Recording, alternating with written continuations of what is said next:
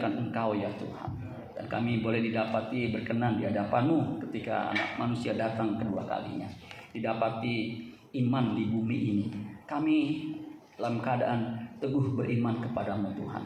Terima kasih Bapak di surga kami sudah memuji, memuja, menyembah Tuhan. Tiba saatnya untuk kami duduk diam mendengarkan firman-Mu.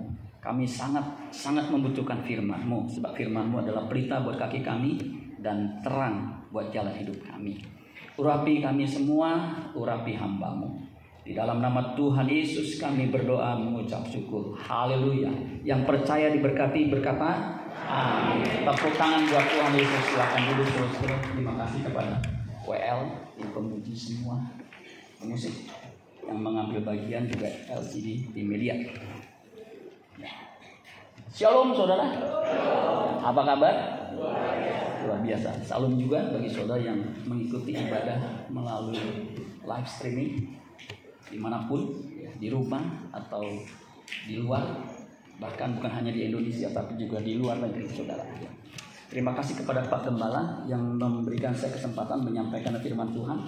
Firman Tuhan pada kesempatan kali ini berjudul beriman kepada ketuhanan Kristus. Apa judulnya? Tema yang diberikan Pak Gembala ini bagus saudara. Menunjang tahun ini tahun kekuatan Injil. Nah, kekuatan Injil itu justru di pengakuan kita kepada Yesus sebagai Tuhan. Ya. Kalau kita yang sudah biasa dari sekolah minggu, ya, kayak saya dari sekolah minggu, sudah biasa Tuhan Yesus Siapa Tuhanmu? Yesus. Sudah biasa. Tapi bagi orang tertentu, ketika menyebut Yesus itu Tuhan, itu agak sulit saudara ya, untuk bisa uh, diyakinkan. Masa Yesus Tuhan? Bukannya dia Nabi? Ya, begitu saudara ya. Nah untuk itu kita akan bahas ya, beriman kepada ketuhanan Kristus. Apa benar Yesus itu Tuhan? Ya nanti saya bahas saya buktikan bahwa Yesus itu Tuhan. Apa benar Yesus Tuhan? Ya. Apa pentingnya kita beriman kepada Kristus? Ternyata sangat penting. Ya. Kesimpulannya penting. Nah, di depan saya sudah katakan penting, bahkan mutlak. Coba katakan mutlak. Nah, mutlak, saudara. Ya. Makanya saudara bersyukur. Ya, nggak ada perdebatan percaya Yesus Tuhan. Ya. Nah, itu kasih karunia. Amin saudara sekalian. Ya, kasih karunia. Ternyata bukan satu kebetulan. Tema GBI tahun 2024 ini ternyata mirip saudara dengan tema yang diberikan saya saat ini nih. Beriman teguh kepada Kristus. Itu tema GBI secara sinode. Ya. Beriman teguh kepada Kristus. Jadi ada kata beriman, ada kata teguh keterangannya. Kepada siapa? Kepada Kristus. Tentunya Kristus itu adalah Tuhan. Kita lihat dulu saudara sekalian, ini bentuknya uh, pengajaran saudara. Ya, jadi agak sedikit berbeda. Beriman, jadi beriman kepada ketuhanan Kristus. Jadi ada variabel yang penting itu beriman, kemudian ketuhanan. Yang paling penting adalah Kristus. Ya. Kata beriman itu sebenarnya kata kerja. Kata apa? Kerja. Karena dari kata iman ada tambahan ber. Jadi kata kerja. Sepeda, bersepeda. Artinya naik sepeda. Naik sepeda mesti digen genjol. Kerja. Ya. Bermobil. Artinya mobil kata benda bermobil artinya dia naik kendaraan mobil Kemudian apalagi saudara? Bersepatu. Nah, berdasi dia pakai dasi.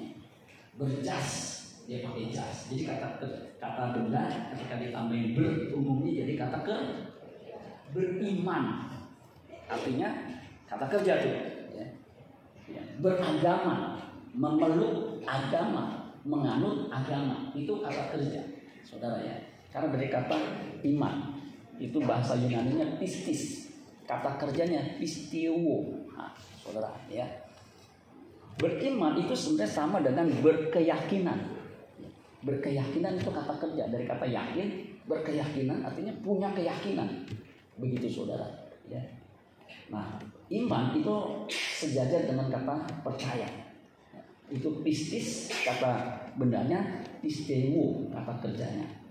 Nah, Alkitab mengatakan definisi iman adalah iman adalah dasar dari segala sesuatu yang kita harapkan. Kalau saya tanya, saudara mengharapkan apa di bumi ini? Kira-kira apa? Saudara mengharapkan apa ketika hidup di bumi ini? Harapan saudara apa? Mati masuk masuk kubur.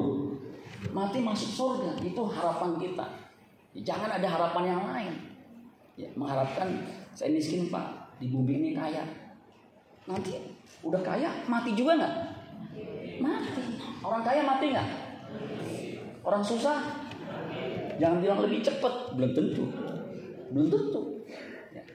Nah, itu dasar dari segala sesuatu yang kita harapkan. Itu dasarnya. Dasarnya apa? Yesus. Amin saudara sekalian. Karena hanya Yesus yang bisa membawa kita ke surga. Dan keselamatan tidak ada di dalam siapa pun selain di dalam dia. Siapa pun juga selain di dalam dia. Di dalam siapa? Yesus Kristus. Itu dasarnya. Akulah jalan kebenaran dan hidup. Tidak ada seorang pun yang sampai ke Bapa. Bapa tuh ada di surga. Nggak ada. Dia jalannya. Dia lorong yang bisa kita tempuh supaya sampai ke surga. Dan bukti dari segala sesuatu yang tidak kita lihat. Siapa yang pernah lihat surga? Ada buku kan? Dia sudah ke surga. Bahkan turun naik. Bulak balik. Begitu. Saya nggak nggak tahu apakah benar apa enggak.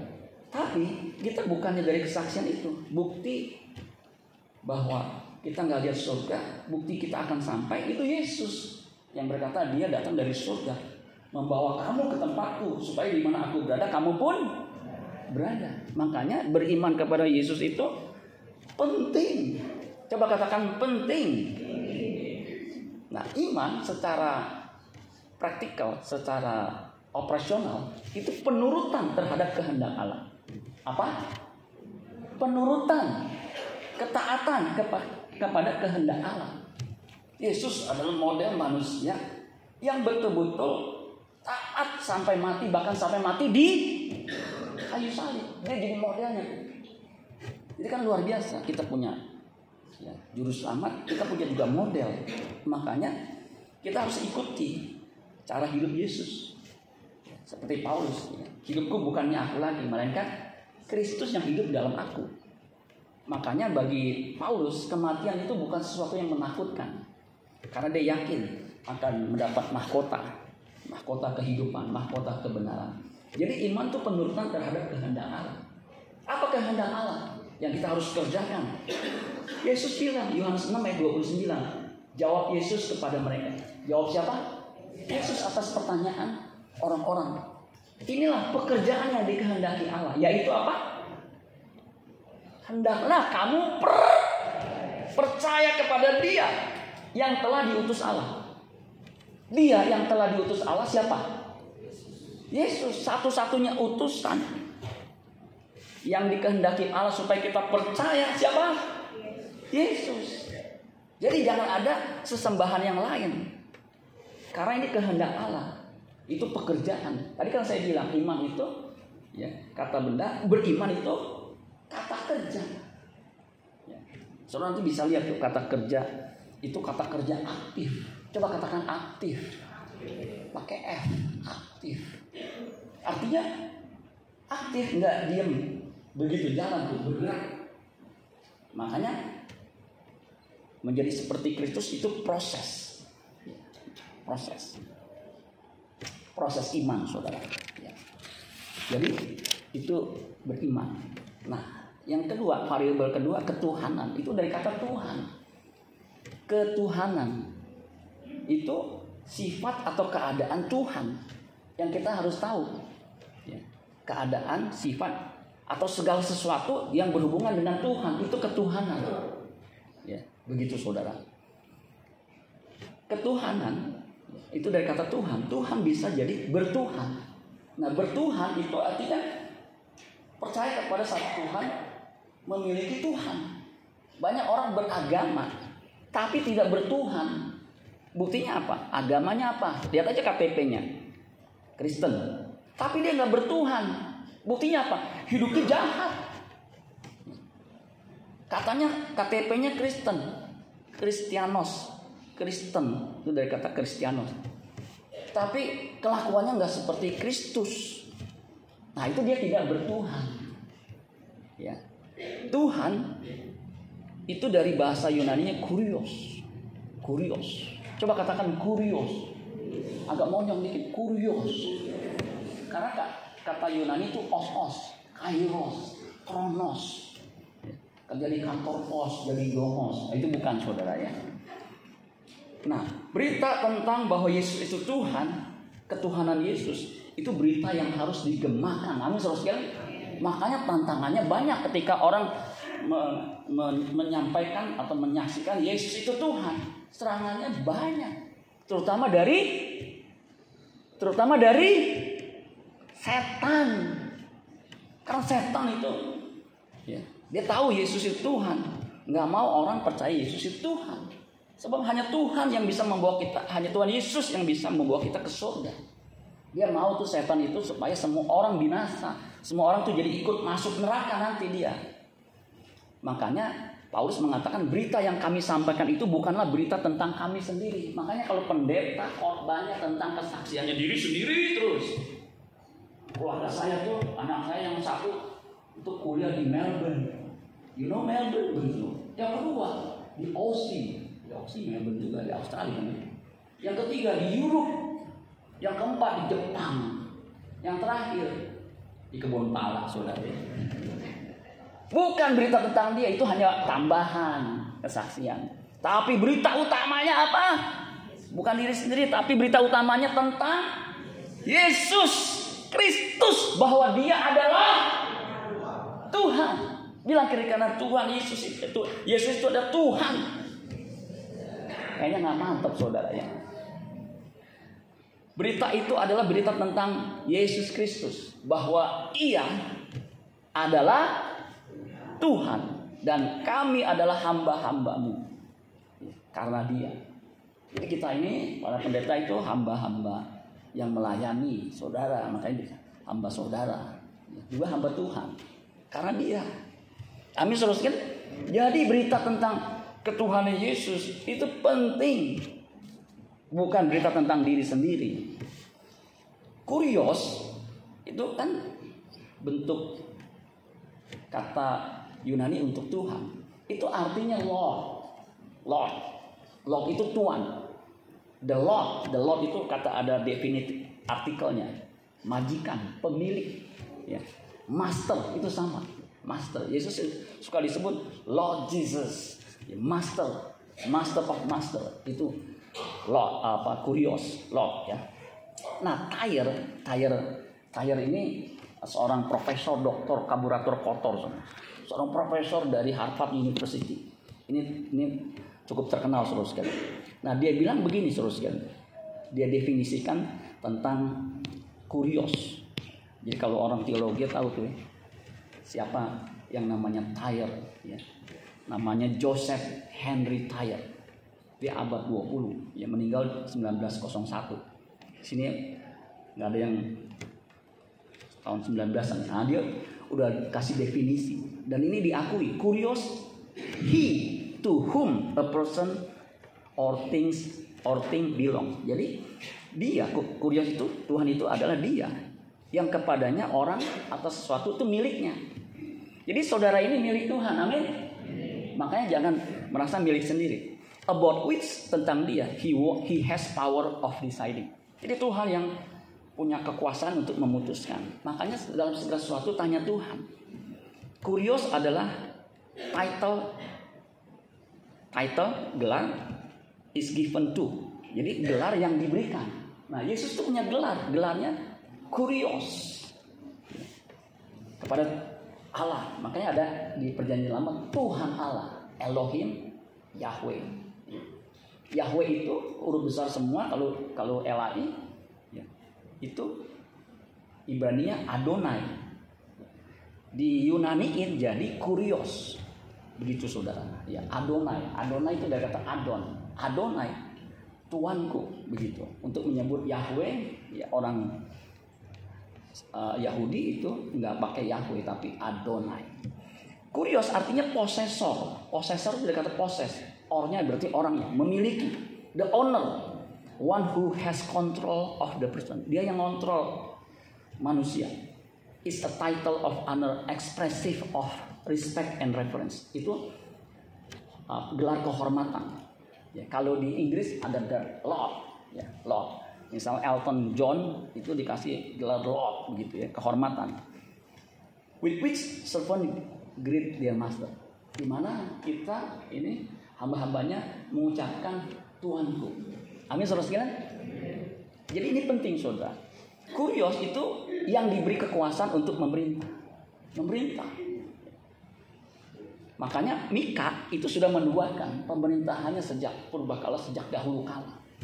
Selama-lamanya. Ya, kepada siapa? Kepada anak yang nanti dilahirkan, yaitu Yesus. Pengertian Tuhan dalam kekristenan berbeda dengan pengertian Tuhan dalam agama samawi. Samawi itu langit. Ya seperti Yudaisme dan Islam. Makanya saudara, nanti saya akan tekankan. Saya akan buktikan buktinya itu nanti dari Alkitab. Ya. Nah, waktu kita bilang mengakui Yesus Tuhan itu harus punya implikasi. Katakan implikasi. Saya nggak tahu ya, tampang saya nggak bos. Tapi kalau saya parkir, bos bos, mau, mau pulang ya, bos. Ini nggak pantas bos kurus begitu. Kalau yang gemuk kayak Pak ini itu dipanggil bos itu cocok banget. Nama Pak Ina itu. Karena rata-rata bos itu maksudnya agak besar begitu dan begitu. Saya nggak cocok, tapi bos bos. Tahu nggak kenapa mereka umumnya panggil saya bos? Tahu nggak? Ah, bawa mobil, terus apa lagi? Ada implikasinya, saya tahu bos. Apa kabar bos? Tumben nih barang istri. Biasanya enggak bos gitu. Dia minta ditambahin, bos. Kalau panggil bos, itu enggak enggak dua ribu, ceban bos. Jadi ada implikasinya. Saya udah tahu dah. Bos, bos. Saya mau ngomong bos. Oh, udah tahu dah. Pasti ada sesuatu. Nah sama ketika kita nyebut Yesus, Yesus ada implikasinya. Amin saudara sekalian. Saya langsung aja karena waktu kan kalau begini ya. Ada implikasinya apa implikasinya? Panggil Yesus, Yesus Tuhan, Tuhan. Ada lagu. Yesus Tuhan dan Raja kami. Itu ada implikasinya. Nanti saya jelaskan. Implikasinya langsung aja dah ya, takut nggak keburu. Kalau kita menyebut Yesus Tuhan, kita harus hidup seperti dia, serupa dengan dia. Amin saudara sekalian. Seperti jemaat di Antioquia. Ketika mereka orang-orang melihat orang Kristen yang percaya Yesus, Kristen. Artinya seperti Yesus. Jangan jadi Kristen 20 tahun bukan seperti Yesus, seperti setan. Nah itu. Berarti dia percaya Yesus seperti setan, gemeter doang. Tapi tidak ada punya implikasi. Percaya Allah itu esa, tapi tidak seperti hidup yang dia percayai. Ingat, iman itu penurutan terhadap kehendak Allah. Sebagaimana Yesus melakukan kehendak Allah. Kehendak Allah apa? Percaya kepada dia, kepada Yesus. Nah, percaya itu punya implikasi. Bagaimana kita bisa hidup seperti Yesus? Di mana Bapak berkata, inilah anakku yang kukasihi, kepadanya lah aku berkenan. Jadi hidup kita harus berkenan seperti Yesus. Itu implikasinya.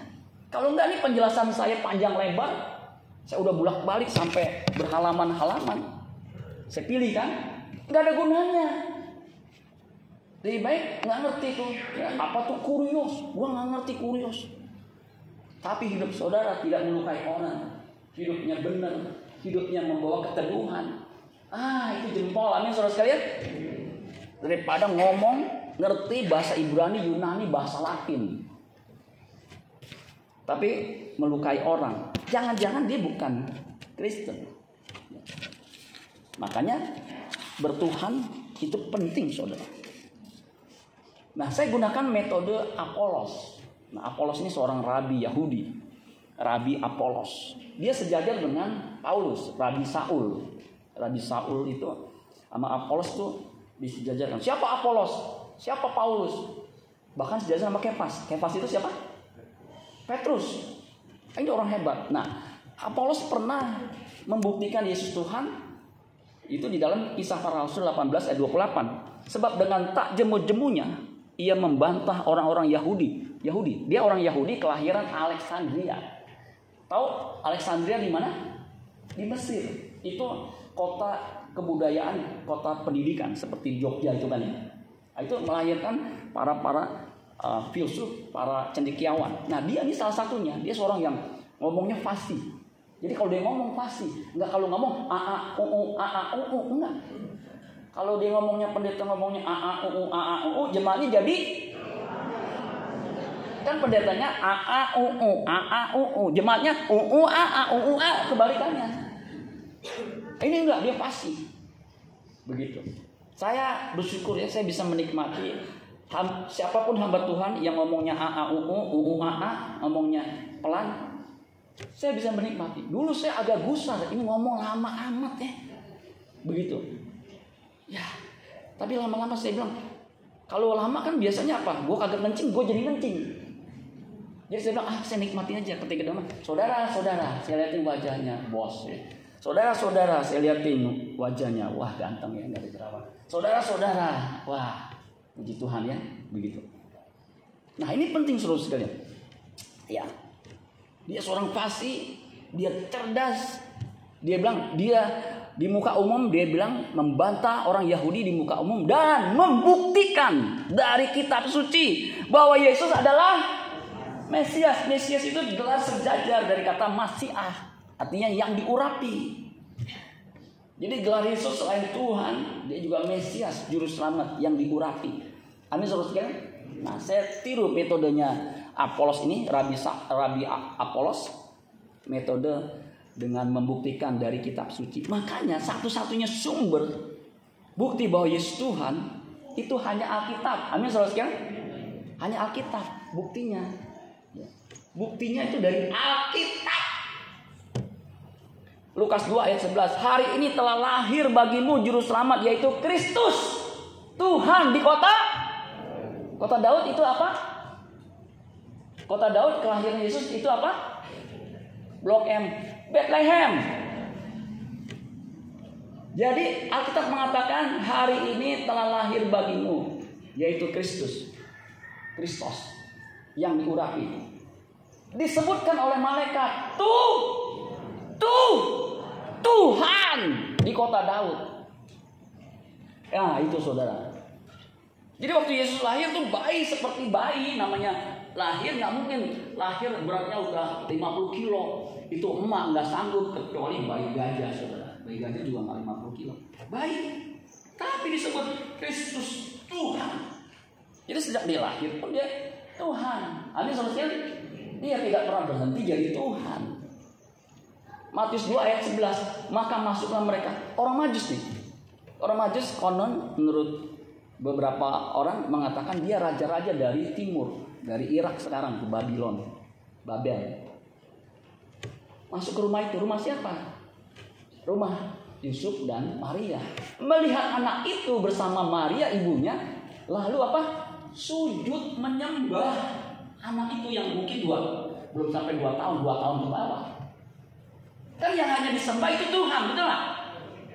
Nah kata menyembah di sini memakai kata Yunani proskuneo, artinya sujud menyembah memberikan penilai, uh, apa memberi nilai tinggi. Hanya Tuhan yang kita harus beri nilai tinggi. Amin. Enggak boleh yang lain. Makanya Yesus ketika dicobai dibawa ke atas gunung ini percobaan yang terakhir diperlihatkan semua keindahan dunia. Iblis berkata, semuanya ini akan kuberikan kepadamu kalau kamu sujud menyembah aku. Yesus Son of God disuruh seperti itu. Kalau zaman sekarang, nehi si melekete tumbal jahe. Enyah kamu, iblis. Sebab hanya kepada Allah saja, kepada Tuhan Allah saja kau harus menyembah aku. Ayatnya di mana Pak?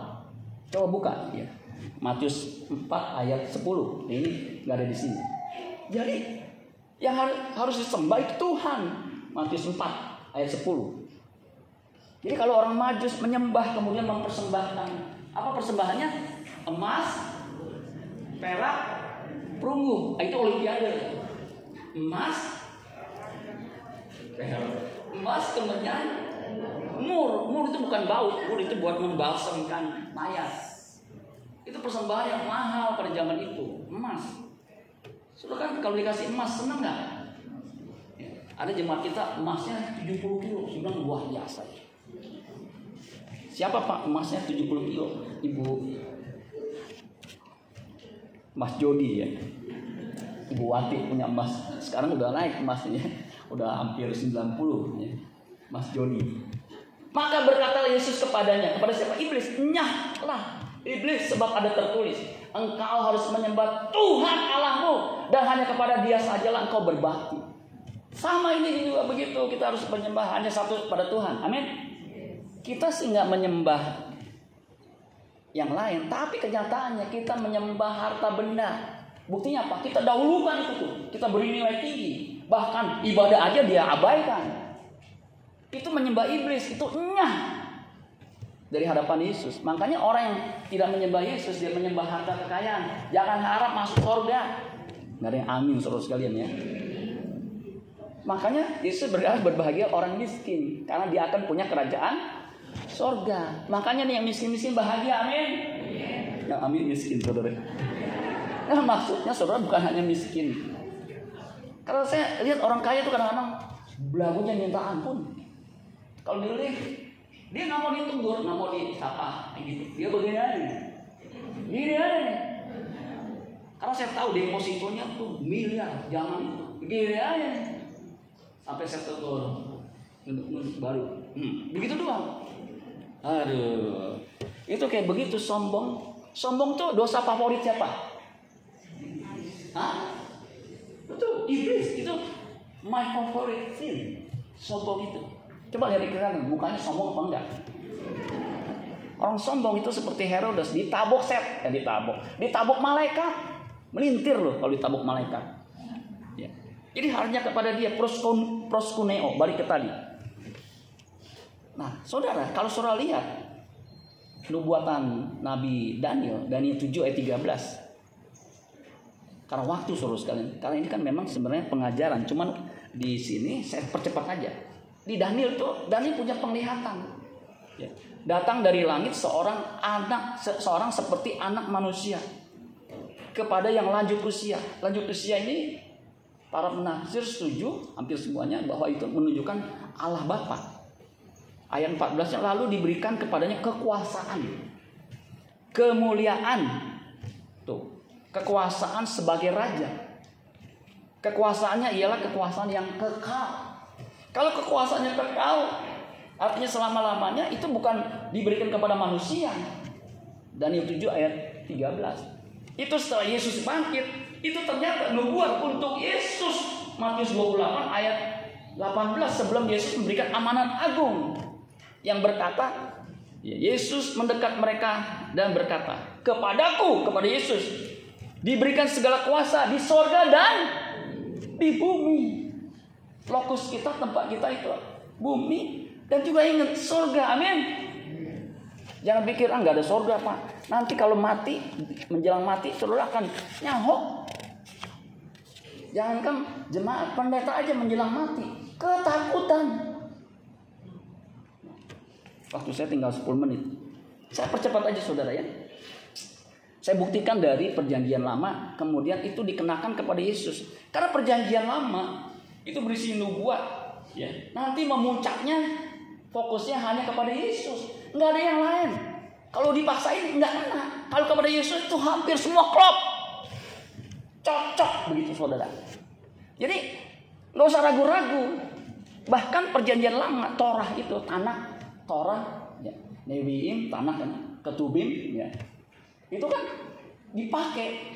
Kalau kita Kristen kita bilang bahwa Torah itu, tanah itu kita pakai betul-betul nih di sini. Kagak ada yang diubah sedikit pun.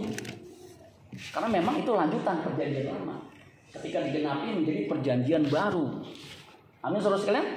Makanya waktu saya mempersiapkan ini nggak akan pernah ragu-ragu lagi. Ya, apalagi saya yang mempersiapkan. Saya tahu nggak akan ragu-ragu. Kalau yang meragukan Yesus Tuhan, jangan-jangan dia tidak belajar Alkitab. Ya saya 40 ayat 3 ada suara yang berseru-seru persiapkanlah di padang gurun jalan untuk Tuhan. Ingat tuh Tuhan ini pakai kata Yahweh. Luruskanlah di padang belantara jalan raya bagi Allah kita. Yesus itu disebut Immanuel. Artinya apa Immanuel? Kan ada lagunya. Immanuel. L itu Allah. Im ya. bersama. Manu, Manu itu manusia. Immanuel bersama Allah beserta dengan kita. Amin saudara sekalian. Itu gelarnya tuh. Kalau suruh baca nanti ya. Ya. Diberi nama Immanuel. Nah, ini digenapi di Markus 1 ayat 1. Inilah permulaan Injil tentang Yesus Kristus. Nah, ini. Makanya Injil kekuatan Allah. Kekuatannya di mana? Di pengakuan kita bahwa Yesus itu Tuhan. Tentang Yesus Kristus anak Allah. Ayat 2. Seperti ada tertulis dalam kitab Nabi Yesaya ini yang dikutip tadi yang saya baca tuh. Ya saya 40 ayat 3. Lihatlah aku menyuruh utusanku mendahului engkau. Utusannya yang mendahului Yesus itu siapa? Yohanes Pembaptis. Ia akan mempersiapkan jalan bagiku. Apa berita? Yohanes Pembaptis untuk mempersiapkan jalan buat Tuhan. Bertobatlah sebab kerajaan Allah sudah. Makanya kalau mau jadi Kristen benar-benar harus bertobat. Yang amin kau masih ini. Kalau mau jadi Kristen benar-benar harus bertobat. Bilang kiri kanan bertobat loh. Jangan tomat. Tobat kumat. Tomat. Tobat sampai kiamat. Tobat itu artinya berbalik. Berbalik arah. Revo. Kemudian aktif. Nah, itu bertobat. Jangan balik ini, eh balik lagi, balik lagi, balik lagi. Jadi jelas ada suara orang berseru-seru di padang gurun persiapnya jalan untuk Tuhan. Itu Yohanes Pembaptis mempersiapkan untuk Yesus itu Tuhan yang memang sudah dinubuatkan. Maliki 3 ayat 1. Lihat, aku menyuruh utusanku supaya ia mempersiapkan jalan di hadapanku. Ini bukan hanya Yesaya. Maliki. Kan tanah itu ya Taurat, Torah, ya. Nebiim, nabi-nabi. Nah ini Nabi Maliki. Mempersiapkan jalan di hadapanku dengan mendadak Tuhan yang kamu cari itu akan masuk ke baitnya. Masuk ke baitnya. Malaikat perjanjian yang kamu kehendaki itu sesungguhnya ia datang. Firman Tuhan semesta alam. Siapa itu malaikat perjanjian? Siapa? Yang disebut malak berit. Siapa? Saudara ragu. Siapa yang disebut malaikat perjanjian? Padahal nanti tujuan bapak saya, saudara yakin Yesus Tuhan. Ketika ditanya siapa malaikat perjanjian? Yesus. Nggak yakin. Kalau yakin itu siapa malaikat perjanjian? Yesus. Gitu. Sama ketika bawah ditanya, kamu puas kerja di sini? Puas. Tuh. Kamu puas kerja di sini? Nah, puas pak. Puas, puas pak. Jadi cukup, kagak cukup. Nah itu tugas sebenarnya. Berarti nggak puas nggak tegas. Siapa malaikat perjanjian? Ah, udah mulai naik saudara ya, karena udah diancam. Siapa malaikat perjanjian? Yesus. Hampir semua penafsir mengatakan malak berit itu adalah Yesus. Dia dijanjikan ketika Adam jatuh dalam dosa, itu di kejadian 3 ayat 15, itu disebut proto evangelium. Ya, Injil mula-mula bahwa akan datang tuh keturunan perempuan itu akan meremukkan kepala ular itu. Itu malaikat perjanjian. Gak usah ragu-ragu. Amin saudara sekalian. Dia malak Yahweh. Malaikat Allah yang dijanjikan. Makanya disebut malak ya, berit. Ya, disebut juga El. Ya, Allah yang dijanjikan. Amin saudara sekalian. Nah, karena waktu saudara coba klik Yoel itu saya nggak usah ini lagi ya Nanti saudara percaya aja, ya, ngaku Yesus sebagai Tuhan itu pasti selamat. Yang amin saudara.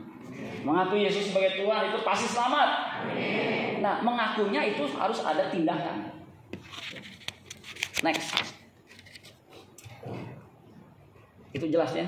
Akulah Tuhan yang ngomong di Nabi di Yesaya itu. Ya karena waktu itu saya udah buktikan tuh. Ya. yang mengaku bertekuk lutut kepada Yesus Tuhan. Itu jelas ayat-ayatnya. Karena Yesus jadi Tuhan itu bagi kemuliaan Allah. Filipi 2 ayat 11. Setiap lidah setiap lidah mengaku Yesus Kristus adalah Tuhan bagi kemuliaan Allah. Jadi Yesus Tuhan itu bukan bagi kemuliaannya diri sendiri, tapi bagi kemuliaan Allah. Amin saudara sekalian. Pentingnya mengaku Yesus sebagai Tuhan. Ini penting. Dalam kekristenan mengaku Yesus sebagai Tuhan, kurios atau dan juru selamat itu jantungnya kekristenan. Jadi kalau orang Kristen nggak mengaku Yesus Tuhan, itu jantungnya nggak ada. Kalau orang jantungnya nggak ada, jantungnya berhenti, apa yang terjadi? Bukannya mati, modar. Nggak ada kehidupan. Ya. Itu jantungnya. Jika Tuhan Yesus tidak diakui sebagai Tuhan, maka seluruh bangunan iman Kristen akan runtuh. Alkitab jelas bohong. Alkitab itu bisa dibuktikan secara historis. Itu jelas. Kehidupan Yesus itu ada sejarahnya yang mencatat. Ada bukti-bukti sejarahnya. Amin saudara kan? Jika Yesus bukan Tuhan, maka jelas-jelas sejak gereja mula-mula orang Kristen menyembah berhala. Manusia disembah, itu berhala. Ya, itu melanggar ya, hukum Taurat yang pertama. Yang ada padamu Allah lain, apalagi sujud. Itu berhala bagi orang Yahudi. Waduh, itu hukumannya rajam batu. Dihukum mati. Fakta gereja mula-mula merupakan bukti. Nah, gereja mula-mula kan orang Yahudi yang monoteistik sekali, yang tauhidnya hanya Elohim Yahweh yang menjadi sesembahannya. Kalau gereja mula-mula itu kan ada tuh orang-orang Yahudi yang bisa mempertahankan imannya, percaya kepada Yesus sampai mati. Ya, jadi fakta gereja mula-mula merupakan bukti bahwa Yesus adalah Tuhan dan Allah. Makanya Thomas itu bukan tanpa maksud dicatat ketika dia melihat betul-betul melihat tangannya. Yesus bilang, ini tanganku ada lubang bekas. Cucukan kalau kamu nggak percaya. Thomas sampai bilang begini, ya Tuhan, Allah. Jelas saudara. Amin saudara sekalian. Jika Yesus adalah ciptaan, maka orang Kristen telah melakukan kesalahan dan dosa penyembahan berhala, yakni menyembah ciptaan. Dia itu pencipta bukan ciptaan. Makanya Paulus berkata, kalau penyembah berhala tidak akan masuk dalam kerajaan sorga. Jadi kalau kita kalau betul-betul Yesus itu bukan Tuhan, ini masuk neraka semua karena kita menyembah berhala. Itu logikanya begitu saudara sekalian. Karena kan gini saudara, orang yang menyembah Tuhan kan ada ada perubahan. Tadi itu karakternya makin serupa dengan Kristus. Nah ciri-ciri orang masuk surga kan ada ciri-cirinya tuh kehidupannya. Di sini udah bisa nampak, udah bisa kita lihat. Membawa keteduhan menjadi berkat, ya. memberkati orang. Itu ciri-ciri. Nggak mungkin orang sebaiknya masuk neraka. Orang benar seperti dia masuk neraka itu nggak mungkin. Jadi jelas. Yesus itu Tuhan. Nah, Paulus ketika ada satu kesempatan, iya, ini kepala penjara karena Paulus itu bisa keluar karena terjadi gempa. Mengantarkan mereka keluar. Jadi kepala penjara mengantarkan Paulus dan Silas sambil berkata, "Tuan, tuan, apakah yang harus aku perbuat supaya aku selamat?" Paulus dan Silas berkata jawab mereka. Percayalah kepada siapa? Tuhan Yesus, engkau akan selamat. Kalau kita percaya kepada penye, apa, berhala, nggak akan selamat. Paling sampai ke selamat Riyadi yang di situ, nggak akan selamat. Selamat Riyadi.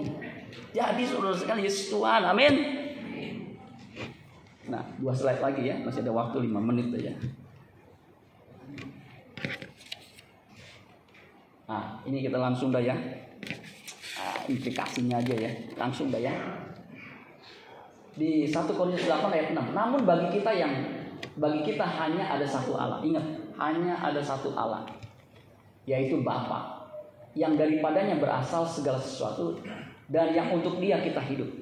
Jadi kalau kita mengaku Yesus Tuhan yang diutus Bapa, Allah kita hanya satu Bapa, Tuhan kita hanya satu Yesus. Itu ditulis di 1 Korintus 8 ayat 6. Dan satu Tuhan, yaitu Yesus Kristus. Makanya bagi kita Tuhan sama Allah harus pengertiannya dari Alkitab. Jangan pakai pengertian lain. Ya Tuhan itu Allah, Allah itu Tuhan. Tidak ada Tuhan selain Allah. Enggak. Alkitab bilang hanya ada satu Allah, yaitu Bapa.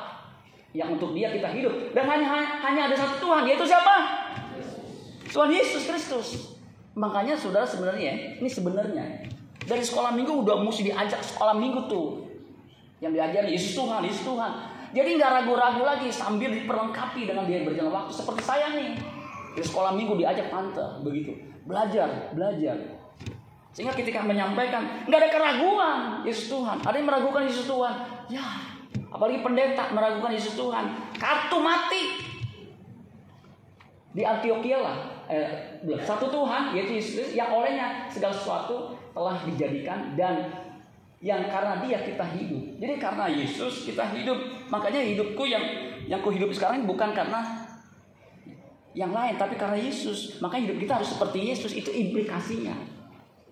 Yesus bilang begini di Yohanes 13 ayat 13. Tadi Kristen itu seperti Kristus. Kamu menyebut aku guru dan Tuhan. Jadi kalau yang mengatakan mana di Alkitab yang menyebut dia bilang Yesus itu Tuhan. Ini nih. Dan katamu tepat. Itu tepat. Yesus ngomong tepat. Yesus ngomong mengaku Yesus sebagai al anak Allah itu sampai dirajam batu. Sebab memang akulah guru dan Tuhan. Jelas ditegaskan. Jadi jikalau kamu membasuh kakiku, aku yang adalah Tuhan dan gurumu, maka kamu wajib, coba katakan wajib wajib saling membasuh kakimu sebab aku telah memberikan teladan kepada kamu supaya kamu juga berbuat sama seperti yang telah ku perbuat kepadamu. Jadi kita harus melakukan berbuat seperti yang Yesus lakukan, hidupnya rendah hati, ya, lembut, taat kepada Bapa. Punya filosofi makananku ialah melakukan kehendak Dia yang mengutus aku dan menyelesaikan pekerjaannya. Makanya kalau mengaku Yesus sebagai Tuhan, tidak hidup seperti Yesus, Jangan-jangan bukan mengaku Yesus sebagai Tuhan. Di Living Bible mengatakan begini, Your attitude must be like my own, for I the Messiah did not come to be served, but to serve and to give my life as a ransom. Itu jelas. Attitude-mu, sikapmu harus seperti yang aku miliki. Makanya dalam hidupmu bersama, hendaklah kamu dalam hidupmu bersama menaruh pikiran, perasaan yang terdapat juga dalam Kristus Yesus yang dalam yang walaupun dalam rupa Allah tidak menganggap ke sana sebagai Allah. Harus dimiliki dipertahankan. Dia dengan rendah hati taat sampai mati. Itu iman yang sempurna yaitu seperti Yesus. Taat sampai mati sampai mati di kayu salib. Amin buat firman Tuhan. Tepuk tangan buat Tuhan Yesus. Kesimpulannya dalam kekristenan mengakui Kristus sebagai Tuhan adalah hal yang mutlak. Ini tadi saya depan saya bilang. Itu mutlak. Jika enggak nggak ada artinya kekristenan. Jangan pernah meragukan Kristus itu Tuhan. Aku punya Tuhan yang yang telah berjanji